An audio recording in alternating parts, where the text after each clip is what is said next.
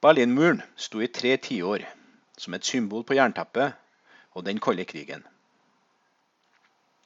Historia begynte i de tidlige timene av 13.8.1961, da regjeringa i Øst-Tyskland beordra stenginga av alle grensene mellom Øst- og Vest-Berlin. To dager etter å ha forsegla den frie passasjen mellom Øst- og Vest-Berlin med piggtråd, så starta østtyske myndigheter å bygge en mur, Berlinmuren, for å permanent stenge veien til Vesten. I de neste 28 årene sto Berlinmuren som det mest håndgripelige symbolet for den kalde krigen. Et bokstavelig jernteppe som delte Europa i to. På slutten av andre verdenskrig, i 1945, så var Tyskland delt inn i fire allierte okkupasjonssoner. Berlin, den tyske hovedstaden, ble også delt inn i okkupasjonssektorer, sjøl om byen lå dypt inne i den sovjetiske okkupasjonssonen. Tysklands og Berlins framtid var et viktig tema i samtalene etter krigen. Og spenningene vokste da USA, Storbritannia og Frankrike prøvde i 1948 å forene okkupasjonssonene sine til en enkelt sjølstyrt enhet. Forbundsrepublikken Tyskland, Vest-Tyskland. Som svar lanserte Sovjet en blokade av Vest-Berlin, i et forsøk på å tvinge Vesten til å forlate byen. En massiv luftbro fra Storbritannia og USA holdt Vest-Berlin forsynt med mat og drivstoff, og i mai 1949 avslutta Sovjet blokaden. I 1961 var spenningene rundt Berlin høye igjen. For østtyskere som ikke var fornøyd med livet under det kommunistiske systemet, så var Vest-Berlin en inngangsport til Vesten. Mellom 1949 og 1961 flykta rundt 2,5 millioner østtyskere fra øst til Vest-Tyskland, mest via Vest-Berlin. I august 1961 kryssa gjennomsnittlig 2000 østtyskere til Vesten hver dag. Mange av flyktningene var håndverkere, fagfolk og intellektuelle. Og denne flyktningstrømmen hadde en ødeleggende effekt på den østtyske økonomien. For å stanse utvandringen til Vesten anbefalte den sovjetiske lederen Nikita Khrusjtsjov at Øst-Tyskland stengte grensa mellom Øst- og Vest-Berlin. Natta fra 12. til 13. august 1961 la østtyske soldater ut mer enn 50 km med piggtrådsperringer gjennom sentrum av Berlin. Da sola steg opp om morgenen, ble berlinerne vekket av lyden av lastebiler, boremaskiner og annet tungt maskineri. Overvåka av sovjetiske tropper og østtysk politi, så starta arbeidsfolk å bryte opp veier, gangstier og andre strukturer, før de la tusenvis av kilometer med piggtråd. De jobba i flere dager. I løpet av tre dager hadde nesten 200 km med gjerder og piggtrådsperringer blitt reist. Den østtyske regjeringas offisielle navn på dette nye byggverket var De antifascistische Schutzwall, eller Den antifascistiske beskyttelsesmuren. Den ble senere kjent som Berlinmuren. Ifølge østtyske myndigheter så var murens funksjon å holde ute vestlige spioner og stoppe vesttyske profitører i å kjøpe opp statssubsidierte østtyske varer. I virkeligheten ble muren reist for å stoppe utvandringa av dyktige fagarbeidere og teknikere fra Øst-Tyskland til Vest-Berlin. Øst-Berlins borgere fikk forbud mot å dra inn i Vest-Berlin, og antallet grenseoverganger der vestlige borgere kunne krysse grensa, ble drastisk redusert. Oppføringa av Berlinmuren skapte overskrifter over hele verden. For vestmaktene kom ikke stenginga av Øst-Tysklands grenser helt uventa sjøl om bygginga av en permanent mur overraska mange. Vesten, som ble tatt på senga, trua med å gjennomføre en handelsembargo mot Øst-Tyskland som et gjengjeldelsestiltak. Sovjet svarte at en slik embargo ville bli besvart med en ny blokade av Vest-Berlin. USA og Vest-Tyskland gikk umiddelbart i alarmberedskap. I tilfelle hendelsene i Berlin var starten på en sovjetstøtta invasjon av Berlins vestlige soner. Seks dager senere beordra den amerikanske presidenten John F. Kennedy amerikanske forsterkninger inn til Vest-Berlin. Mer enn 1500 amerikanske soldater ble frakta inn i Vest-Berlin. For å forberede seg på en mulig sovjetisk blokade av Vest-Berlin beordra Kennedy også en kontingent av amerikanske lastefly til Vest-Tyskland. Noen eksperter betrakta Berlinmuren som en aggresjon mot berlinere i begge okkupasjonssonene, og krevde handling. Men Kennedy mente at det var bedre med en mur enn med en krig. Det var tydelig at Vesten ikke kom til å foreta seg noen større mottiltak for å protestere mot stenginga. Østtyske myndigheter stengte flere og flere grenseoverganger mellom Øst- og Vest-Berlin. 15.8 begynte de å bytte ut piggtrådsperringene med en betongmur. De første betongpålene ble satt opp langs Bernauer strasse og på Potsdamer Platz. Østtyske arbeidere, noen med tårer i øynene, satte opp de første delene av Berlinmuren, der østtyske tropper sto og vokta på dem med maskingevær. Etter hvert som ukene gikk, så ble Berlinmuren sterkere og mer avansert, og også mer dødelig. I juni 1962 hadde østtyskerne reist nok et grensegjerde, omtrent 100 meter innenfor den første muren.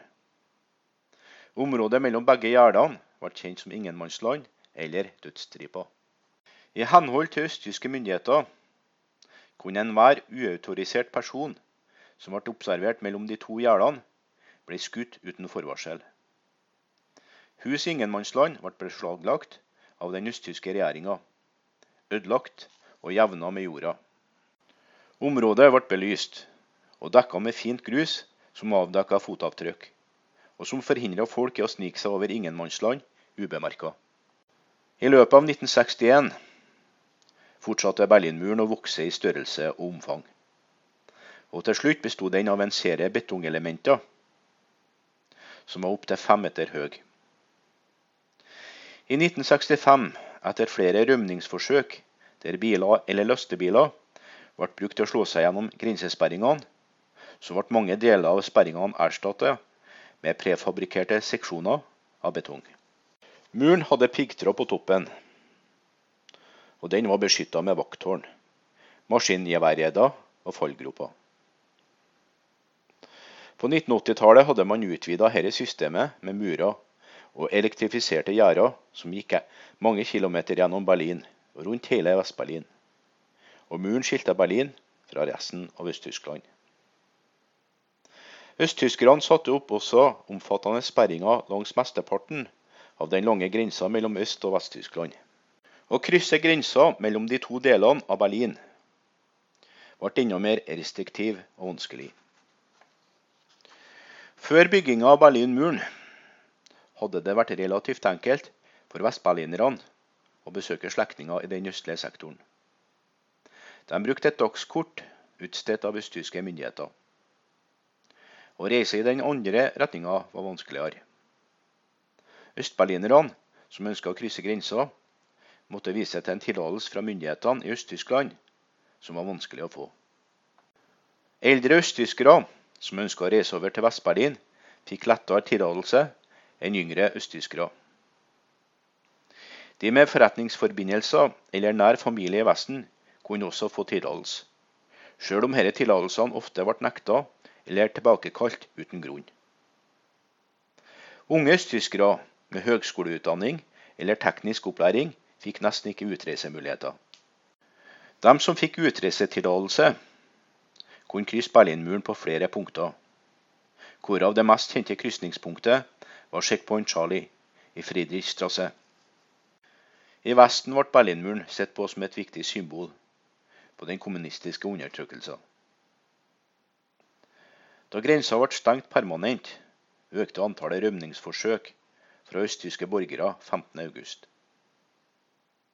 Konrad Schumann, som da var en 19 år gammel østtysk soldat, ble fotografert da han hoppa over piggtrådsperringene mot friheten. Han var en av de første. Det var selvfølgelig mange personer som gjorde forsøk på å forsere muren ulovlig. Noen østtyskere prøvde å klatre over, grave seg under muren eller fly over muren. Men festningsverkene, piggtråder og det bevæpna grensepolitiet gjorde dette til en farlig aktivitet. Å kjøre gjennom stengsler eller sjekkpunkter med kjøretøy var en vanlig taktikk i de første årene av murens levetid. Denne taktikken ble ubrukbar da østtyskerne bygde om alle veier som nærma seg muren, slik at de hindra kjøretøy i å akselerere.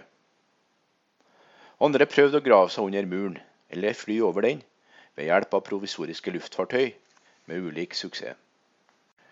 Rundt 5000 østtyskere klarte å rømme over Berlinmuren mot vest.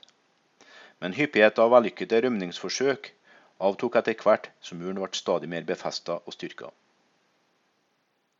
Tusenvis av østtyskere ble tatt til fange under forsøk på å krysse grensa. og 191 ble drept etter å ha forsøkt å flykte. 5000 østtyskere ble tatt til fange av østtyske myndigheter i forsøket på å ta seg over muren ulovlig. I 1962 ble Peter Fechter, en 18 år gammel østtysk fabrikkarbeider, skutt i hofta av en grensepatrulje. Fechter blødde i hjel i ingenmannsland, mens hjelpeløse tilskuere på begge sidene så på. Sigfrid Nofke, som hadde blitt skilt fra kone og datter av muren, gravde en tunnel under den, men bare for å bli tatt til fange av Stasi-agenter. Berlinmuren ble et fremtredende symbol på den kalde krigen. I Vesten ble murens tilstedeværelse brukt som propaganda. Berlinmuren, sa vestlige ledere, var et bevis på at Øst-Tyskland ikke fungerte som en stat. At tusenvis av landets innbyggere ikke ønska å leve under kommunismen. Den amerikanske statssekretæren Dean Rusk kalte muren et monument over kommunismens fiasko, mens ordføreren i Vest-Berlin, Willy Brandt, kalte den skammens mur. I Washington var det en stor debatt om hvordan USA skulle reagere på bygginga av Berlinmuren. President Kennedy mente at trusler eller aggresjon kunne provosere fram en konfrontasjon eller føre til krig. Han fokuserte i stedet oppmerksomheten mot Vest-Berlin. Hylla den som en liten, men bestemt bastion for friheten, innelåst i en diktaturstat. Kennedy besøkte Vest-Berlin i juni 1963 og ble møtt av ekstatiske folkemengder som jubla vilt og overøste bilkortesjen hans med blomster og konfetti. USAs president Ronald Reagan besøkte Vest-Berlin i juni 1987. Og han oppfordra sin sovjetiske kollega Michael Gorbatsjov til å rive ned muren. I 1989 ble Øst-Tysklands kommunistregime overraska av demokratiseringa som feide over hele Europa. Om kvelden 9.11.1989 kunngjorde Øst-Tyskland en lettelse av reisebegrensningene til Vesten. Og tusenvis av østtyskere krevde å kunne passere gjennom Berlinmuren. Østtyske grensevakter åpna grensene.